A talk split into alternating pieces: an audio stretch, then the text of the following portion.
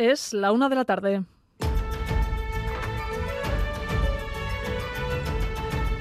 Crónica de Euskadi con Irache Ruiz. Un modelo que dote de más entidad y capacidad a las instituciones vascas, que permita tomar las decisiones desde un ámbito más cercano, más local, desde donde se tiene mayor conocimiento de la realidad. Así lo tenemos recogido en nuestro programa de Gobierno, en el que reafirmamos para la presente legislatura nuestro compromiso para ampliar y mejorar el autogobierno de Euskadi.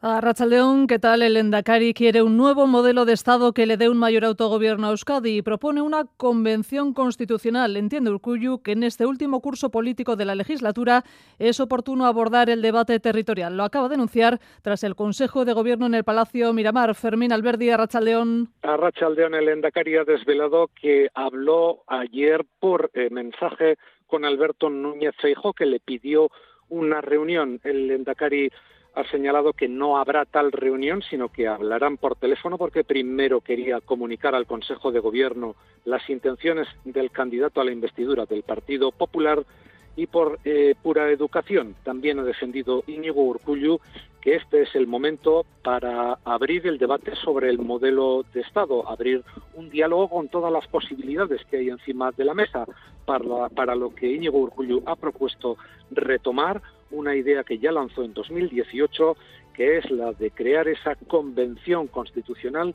que escuche todas las propuestas que hay sobre federalismo, amnistía o encaje constitucional.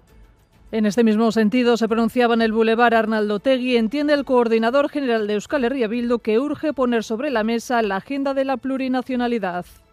El debate territorial no se tiene que abrir porque un determinado candidato necesita determinados votos. Se tiene que abrir porque es un problema estructural, porque hay problemas nacionales sin resolver, porque nosotros somos una nación, porque Cataluña es una nación y por lo tanto hay que abordar ese debate en términos democráticos. Las agendas de las izquierdas plurinacionales o la agenda de la plurinacionalidad tiene que verse satisfecha también en este bloque de investidura.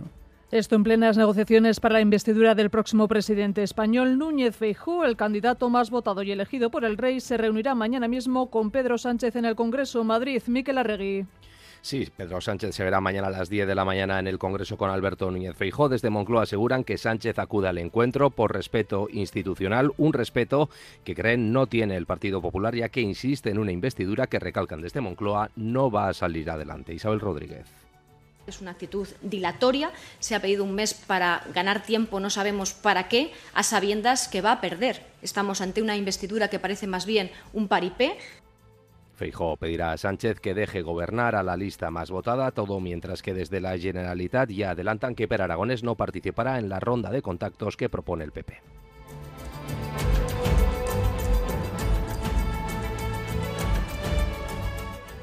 There is a critical issue of, uh, of sexism that remain in sports, and we hope that the Spanish authorities Es Estefan Dujarric, portavoz de la Secretaría de Naciones Unidas, se ha pronunciado sobre el caso Rubiales para señalar que confía en que este escándalo fije un punto de inflexión en la lucha contra los abusos en el deporte. De momento, el Tribunal Administrativo del Deporte Español no ha emitido un fallo tras su reunión de cinco horas de ayer.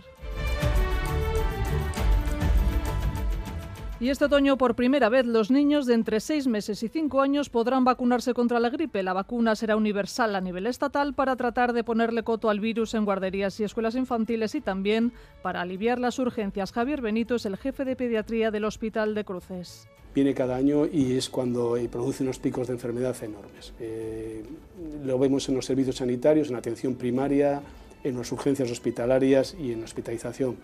De hecho, cada año se producen miles de hospitalizaciones por gripe y se producen fallecimientos por gripe, y no solo en adultos, también en niños.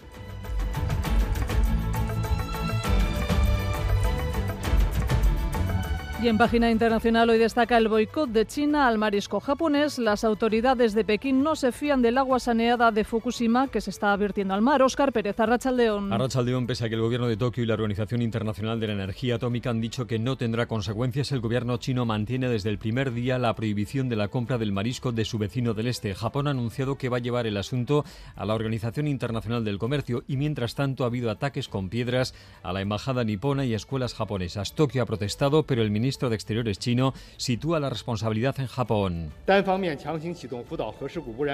gobierno de Japón inició el vertido despertando una gran indignación en los países, haciendo caso omiso a las dudas y a la oposición de la comunidad internacional. Ahí radica la razón de esta crisis, ha defendido el portavoz del Ministerio de Exteriores. Japón ha acusado al gobierno de Pekín de promover el acuso a sus ciudadanos y le ha pedido calma.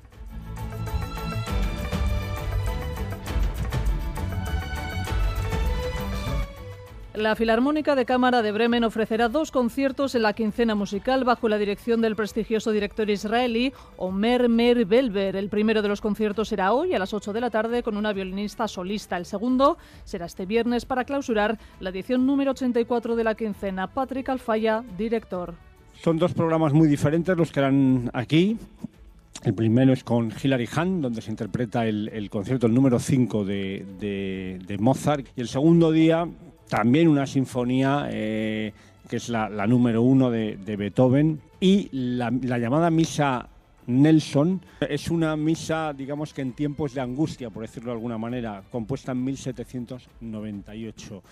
Y en esta portada también titulares del deporte, Álvaro Fernández Cadierno, Arrachaldeón. Arrachaldeón, el Alavés presenta ahora mismo a Samuel Omorodion, a Samu, a quien ya debutara anoche en la polémica derrota de Getafe por 1 a 0, derrota también de Leibar 2 a 1 en el campo del Eldense. En ciclismo, hoy cuarta etapa, final en Tarragona, tenemos a Renko Ebenepul de rojo de líder tras su victoria ayer en Andorra y en pelota primera semifinal del Ciudad de San Sebastián el Ordi Zabaleta, Altuna Rezusta vuelve el campeón tras sufrir gastroenteritis. En cuanto al tiempo, hoy se espera lluvia en la mitad norte, aunque de forma más intermitente y precipitaciones menos intensas que las de ayer. También lloverá en el interior, aunque de manera ocasional. Ya en el sur se abrirán algunos claros y el viento soplará del oeste-noroeste con rachas fuertes por la tarde. Las temperaturas sin cambios, hoy las máximas no superarán los 22 grados. En cuanto al tráfico, en estos momentos sepan que se registran 3 kilómetros de retenciones en la AP8 en Viriatu en sentido a Francia. Raúl González, Jorge Ibáñez en la dirección técnica y Manuel Manterola en la coordinación. Comenzamos.